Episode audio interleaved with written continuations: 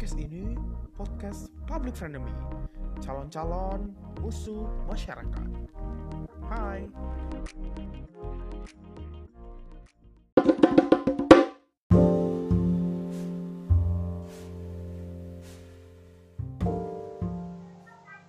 Hmm, makin hari kalian makin ngerasa tua gak sih?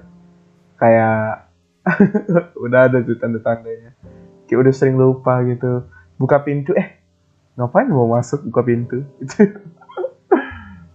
Atau mungkin hari kalian juga makin sadar gitu. Kalau duit yang dikasih ke kalian tuh makin dikit oleh orang yang lebih tua gitu. Atau malah makin besar di beberapa keluarga. Atau bahkan ya dikasih sama sekali bahkan.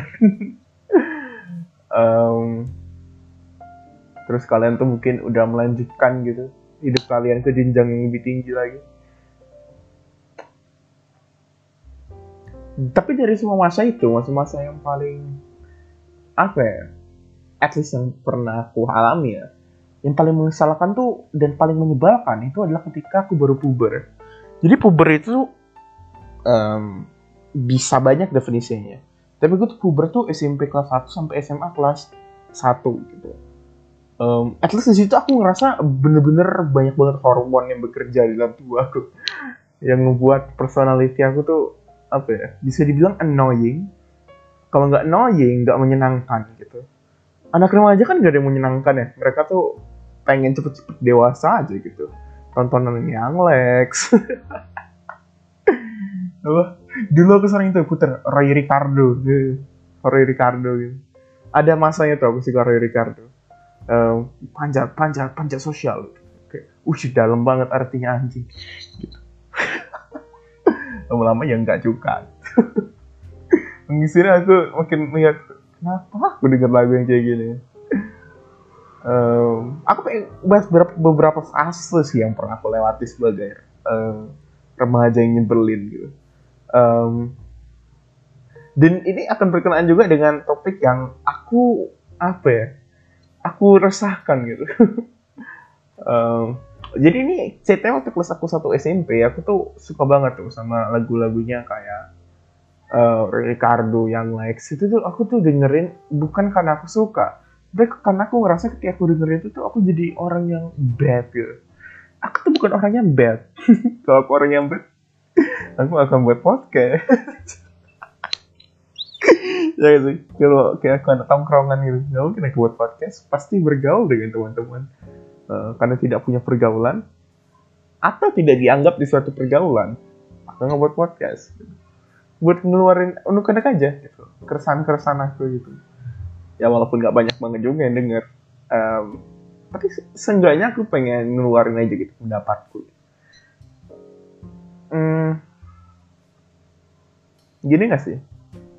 Em, orang-orang yang puber itu kan udah pasti ini udah pasti nyebelin gitu kayak aku bilang ya Em, jadi dulu tuh aku tuh terobsesi juga mungkin ya dari SMP dari kelas 2 kelas 3 gitu. Aku tuh seneng banget aku tuh mulai baca tuh buku si Juki tuh jadi kelas 1 itu adalah fase di mana aku tuh eh, berusaha untuk masuk ke geng orang lain. Jadi ini ada tahap-tahapnya gitu kayak five, eh, apa sih? Yang tanda-tanda dari duka ya. ada acceptance ada ini ada itu. Wait wait wait Mari- aku cari. Ini pasti sesuai gitu dengan kehidupan aku five oh five stage of grief kali ya? Ya five stage of grief. Pertama tuh denial. Aku tuh nggak? Suka gitu dengan apa yang terjadi pada diri aku dulu gitu loh. Eh, aku ngedeny segala sesuatu yang sesuai gitu dengan aku.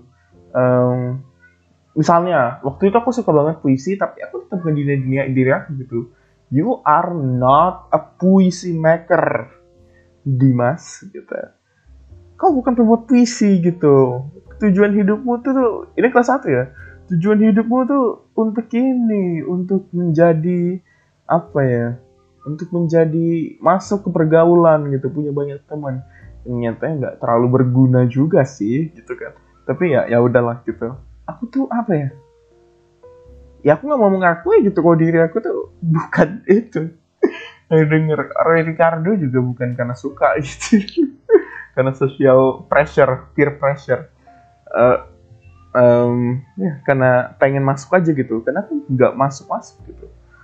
Um, itu di kelas satu ya aku tuh denial banget. Kayak aku tuh nggak ngerasa aku tuh diriku sendiri bahkan. Banyak banget hal-hal yang aku lakuin itu tuh bukan untuk diriku sendiri tapi untuk memenuhi apa ya keinginan orang lain gitu. Terutama teman-temanku gitu yang cuma mau bergaul misalnya kalau bisa main bola gitu. Kalau QQ-in cewek gitu. Itu juga suatu istilah yang aku baru tahu minggu lalu sih QQ-in cewek. That's like the fuck gitu. Tapi banyak orang yang suka gitu. I don't know why. I don't know why. Oke okay, lanjut. Uh, jadi di kelas 2 aku tuh masih ingat buku Juki itu baru keluar si Juki uh, yang berani beda kalau nggak salah deh sampulnya antara biru atau merah lupa deh antara dua itu um, buku Juki keluar ada kata-kata anti mainstream. Um, aku masih ingat aku kayaknya dengerin lagunya deh. Uh, um, ya, ya, aku dengerin lagunya. Ada tuh lagunya. Berani beda, bla bla bla bla. Um, jadi si Juki ini punya semangat tuh yang anti beda gitu. Eh enggak deng, aku pertama tuh beli komik stripnya dulu. Baru keluar buku yang hashtag berani beda itu. Iya iya bener. Berarti aku tuh beli buku yang uh, komik stripnya dulu tuh banyak banget.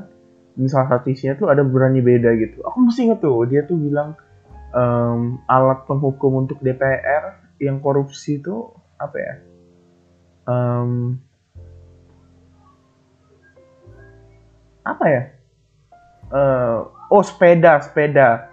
Kayak orang itu narik sepeda pembangkit listrik. Absurd sih absurd sih aku pikir-pikir belakangan ini. Uh, um, jadi di kelas 2 tuh aku tuh setelah membaca buku itu aku merasakan anger gitu. Anger yang aku rasakan gitu. Um, bener-bener anger banget. Kayak um, aku tuh ngerasa kalau ada orang yang beda itu tuh apa ya?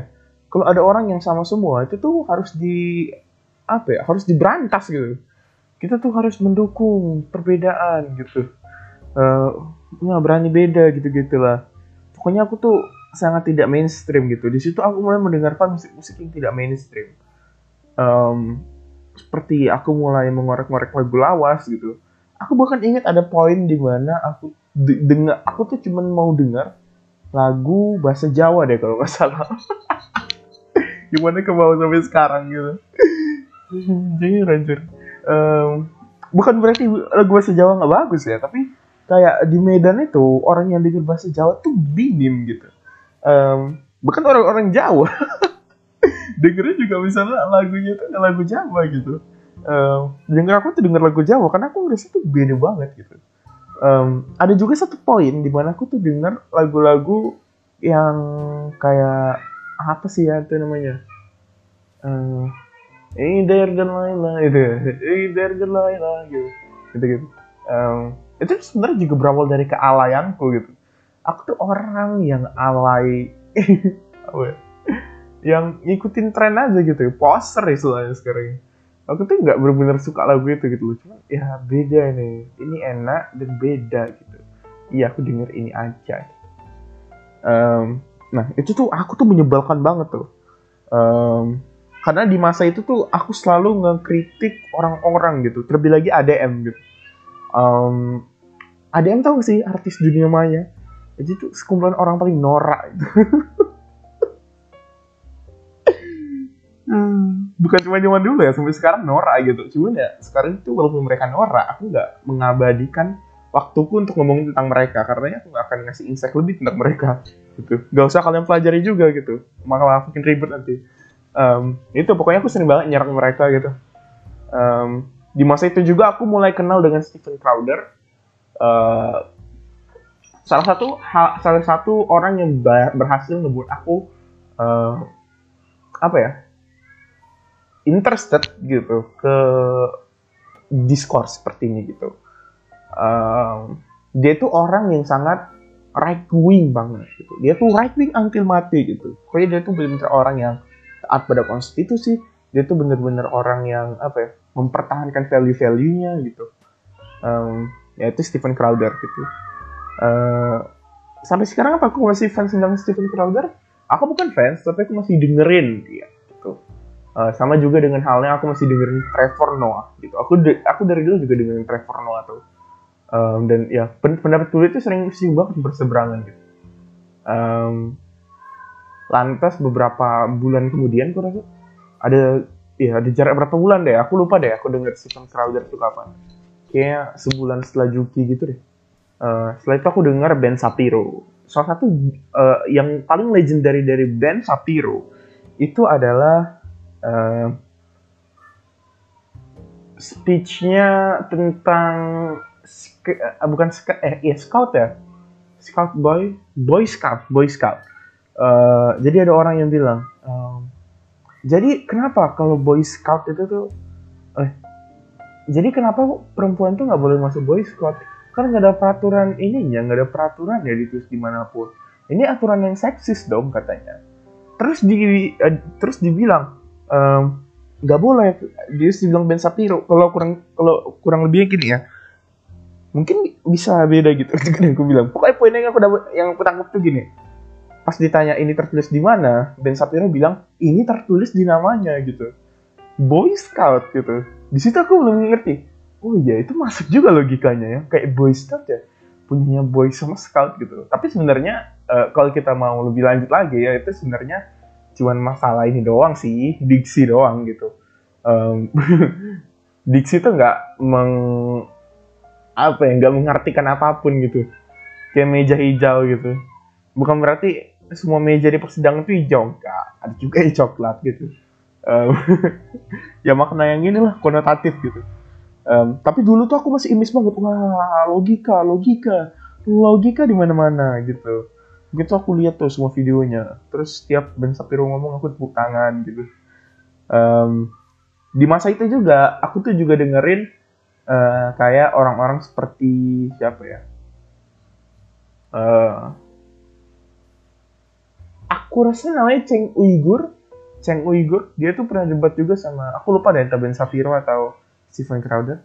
Um, lantas juga aku dengerin Thomas Sowell. Um, lantas aku juga dengerin apa ya? Ada tuh oh filosofi tuh, filosofi tuh. Dia tuh bener-bener orang yang liberal banget tuh. Filosofi tuh juga tuh. Uh, filosofi tuh, I think. Lupa deh, pokoknya gitu-gitu deh. Um,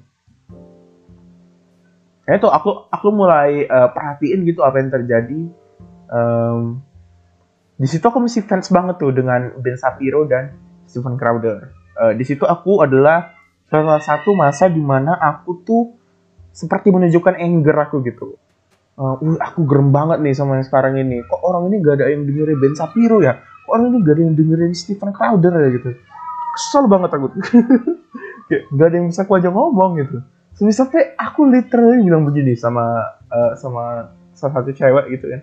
Lagi chatan gitu terus dia bilang gitu terus aku ngasih pertanyaan oh Eno Bening juga tuh Eno Bening um, aku ngasih pertanyaan gitu. Uh, bukan aku sih ngasih pertanyaan tapi Eno Bening tuh nanya kenapa angkot selalu menoleh ke kiri? gitu. Um, ya yeah, kenapa angkot kenapa uh, dibilang tuh kalau diangkot tuh bang kiri gitu bang kiri gitu. Terus jawabannya tuh karena uh, karena karena angkat pengikut das kapital gitu. Wah, ketawa gitu. Kayak oh anjir aku ngerti gitu referensinya gitu. Um, dulu tuh norak banget gitu cuman tahu itu ketawa aja sih. Cuman kalau un untuk ukuran anak SMP aku rasa juga nggak ada yang tahu gitu das kapital itu apa gitu. Kayaknya aku tua terlalu cepat aja gitu. Ya ini balik lagi puber. Aku tuh pengen cepet-cepet jadi dewasa gitu loh. Padahal kalau aku sesuai porsi aku tuh aku tuh masih masih pau-pau gitu masih pau-pau main lapangan gitu. Um, iya kali ya pau-pau main di lapangan gitu kan. Uh, menjadi sampah masyarakat gitu gitu nggak uh, tahu deh nggak tahu deh waktu itu jadi sampah masyarakat atau enggak um, ya pokoknya di situ aku kayak bener-bener nunjukin anger aku sih. Um, kayak aku tuh udah nggak nolak diri aku lagi tapi aku embrace diri aku tuh sebagai seseorang yang terlalu eksklusif gitu. Um, yang berarti aku kayak nunjukin emosi yang berlebihan kan? Anger gitu. terus yang ketiga tuh bargaining. Um, bargaining tuh berarti tuh kita tuh di tahap itu kita tuh mulai uh, gimana bilangnya uh, how to explain it? Uh, mungkin di masa di masa itu tuh aku tuh udah mulai sadar gitu. Um, masa itu tuh aku udah mulai sadar kalau di kelas 3 ya aku tuh mulai sadar tuh kalau yang aku lakuin tuh gak terlalu benar gitu. Um, yang menjauhkan diri dari masyarakat menjauhkan diri dari pertemanan gitu. Tanda dalam tanda kutip um, yang aku gak punya banyak banget uh, aku tuh udah nggak mulai terlalu sering lagi aku rasa. Seinget aku kayak uh, dengerin political political discourse gitu. Aku tuh malah lebih sering tuh apa ya ikut sesuatu yang berhubungan dengan uh, dunia luar gitu. Aku tuh udah mulai uh, berusaha menghapus sesuatu yang bukan aku gitu. Jadi aku jadi aku tapi di dunia luar gitu. Um, ya aku jadi aku di dunia luar gitu. karena aku menganggap ya nggak apa-apa aja mainstream gitu selama ada kawan ya sih? Karena di aku tuh mulai oh ya udah deh ya udah nggak apa-apa deh berkawan gitu. Kayak aku rasa tuh kelas 3 semester awal deh. Uh, kelas 3 no no no no. Iya ya kelas 3 semester awal. Uh, jadi aku tuh mulai ikut ekskul futsal gitu. Padahal badanku sama sekali nggak atletis gitu bukan aja nggak ada atletis atletisnya tapi apa ya? Kebalikan dari atletis gitu. Seperti ada minus ya gitu kalau ada atletis. Hmm.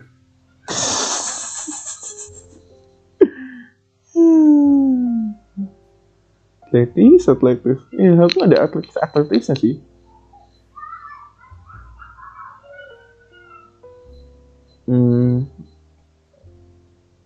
tapi aku tuh berusaha itu lah.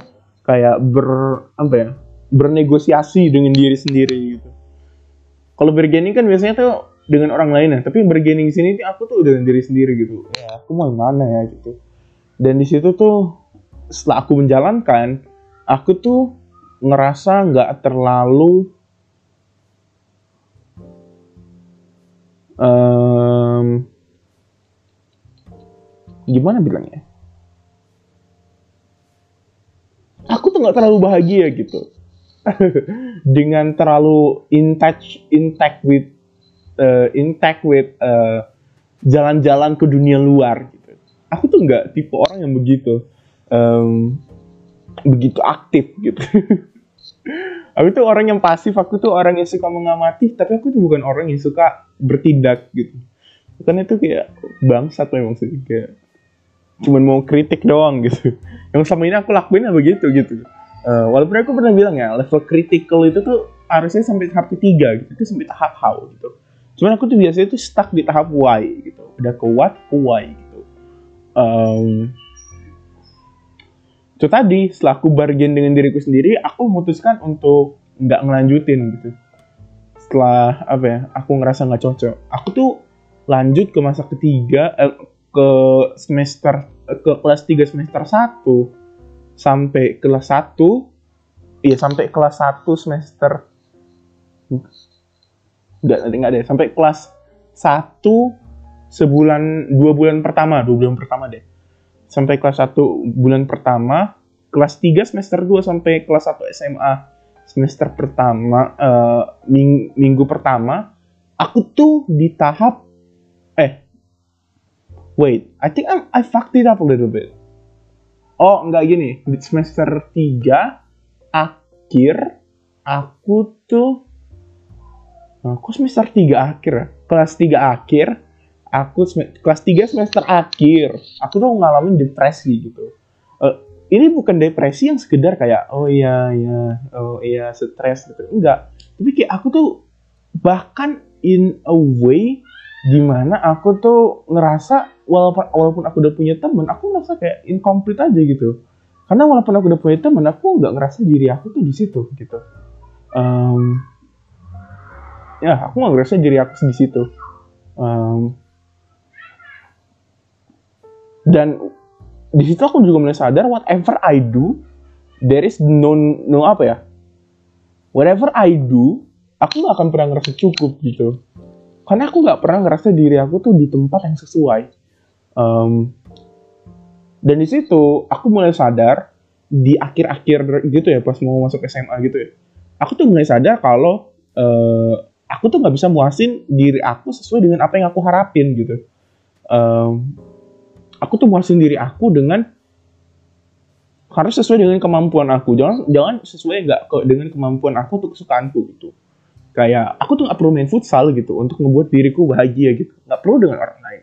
Yang perlu aku lakuin adalah jujur aja gitu sama diri sendiri. Apa yang kita mau sukai apa yang kita mau lakukan. Karena di SMA itu tuh aku tuh udah accept diri aku. Whatever people would think of me then fuck them gitu. Ya fuck them gitu. Whatever they want to do to me fuck them gitu. Um, I'm going to be myself dan itu aku lakuin tuh sampai sekarang. Aku tuh bukan orang yang hold back lagi. Aku tuh bukan orang yang diem di sudut di kelas lagi. Aku tuh orang yang aktif gitu. Um, aku tuh orang yang aktif tapi bukan dalam arti fisik gitu. Aku tuh dulu mengartikan aktif tuh secara fisik. Tapi sekarang tuh aku aktif tuh dalam observasi. Aku tuh aktif tuh dalam berbicara dalam menulis dan lain sebagainya. Um,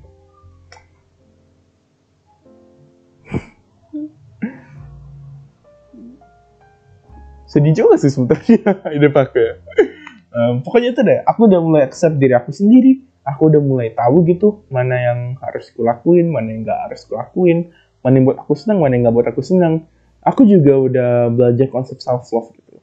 Gini ya untuk orang-orang bangsat gitu yang gunain self love ini sebagai excuse daripada um, apa ya berbuat tidak baik gitu maka tuh orang-orang yang bangsat gitu. Self love itu tuh bukan berarti kita meninggalkan kesopanan ya sih? Walaupun kesopanan itu bukan sesuatu yang apa ya yang kita kalau nggak sopan nggak bisa hidup. Tapi kita tuh harus ingat kita tuh butuh orang lain untuk hidup gitu. Um, mungkin kebahagiaan kita itu kita lakuin secara pribadi.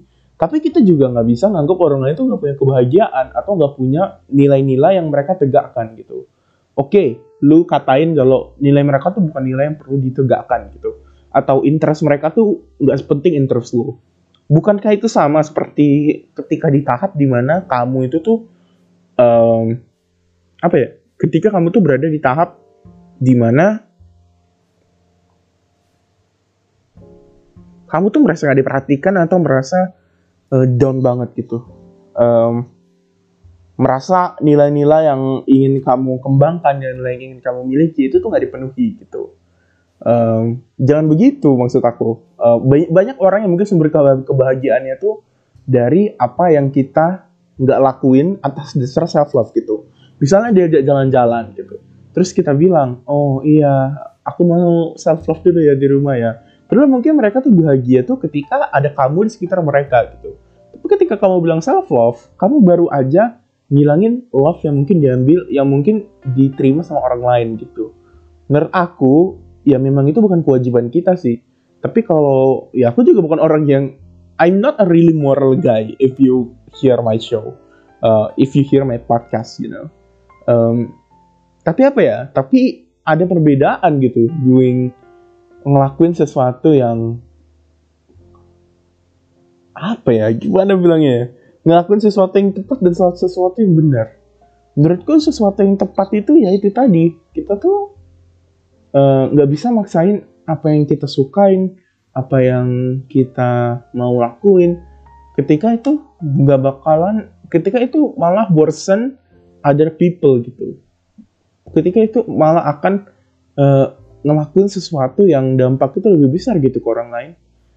Um, itu tadi kalau mau self love ya self love gitu, cuman um, sebisa mungkin perhatiin juga orang-orang yang benar menyayangimu gitu, karena itu jarang loh bisa kita temuin orang-orang yang tulus gitu, orang-orang yang mau ngorbanin waktunya untuk kita.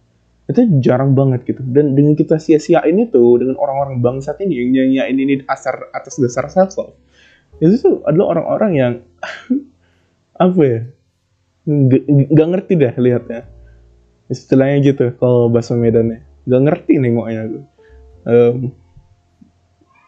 beda lagi kalau ada urusan misalnya dengan duit atau, atau urusannya dengan orang tua itu kan udah udah yang lain deh gitu.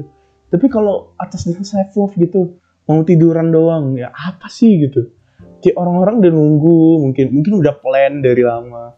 Tapi atas dasar self love loh kan itu sesuatu yang apa ya egois banget gitu egois tuh nggak salah tapi jangan sampai uh, yang kita buat sesuatu yang egois itu tuh merugikan uh, orang lain atau merugikan uh, apa ya kayak orang-orang yang betul-benar care gitu sama kita. Kalau orang-orang yang gak care sama kita, kita berada di lingkungan toksik ya nggak apa-apa gitu. Cuman kalau orang-orang yang benar-benar peduli sama kita, kita tolak gitu misalnya ketika berkumpul atau misalnya kita apa ya kita nunjukin perasaan gak seneng gitu. Um, itu emang hak kita gitu. Tapi balik lagi, uh, ujung-ujungnya kita tuh kehilangan orang-orang yang bener nyayangin kita gitu loh. Anjrit ini episode. aku bukan bilang anjir karena aku jadi vulnerable ya gitu. Tapi aku tuh bilang anjir karena apa ya? Kayak terlalu ngebuka gitu gak sih? um, anyway, anyway, um, jarang banget sih ada orang yang ngomong bahasa Inggris begini. Kayak aku gitu ngomong bukan bahasa Inggris native sih memang. Cuman kayak bahasa Inggris gitu terus apa ya sentris gitu. Kebanyakan yang ngomong bahasa Inggris begini mbak-mbak Twitter gak sih kayak ya dia what the fuck are you talking about? Please educate yourself. Please don't this please do that. You know um, bagus ya impersonationnya. Um, itu mbak-mbak Twitter berjilbab itu. Kalau nggak berjilbab biasanya tuh gambar itu apa? Foto mereka gitu kena sinar matahari atau gambar-gambar uh, apa-apa tertentu. Nggak karena aku bilang karena lebih menyeramkan dari ormas atau dari apa pun itu dari dari kementerian dan lain sebagainya lebih serem mereka sepertinya itu. Um, nggak ada. Nggak dari kementerian. Aku aku tarik ucapanku. Gitu ya. Aku tarik aku tarik um, apa ya? Intinya tuh apa inti dari semua ini? Um, inti tuh aku punya masa lalu yang nggak terlalu bener sih.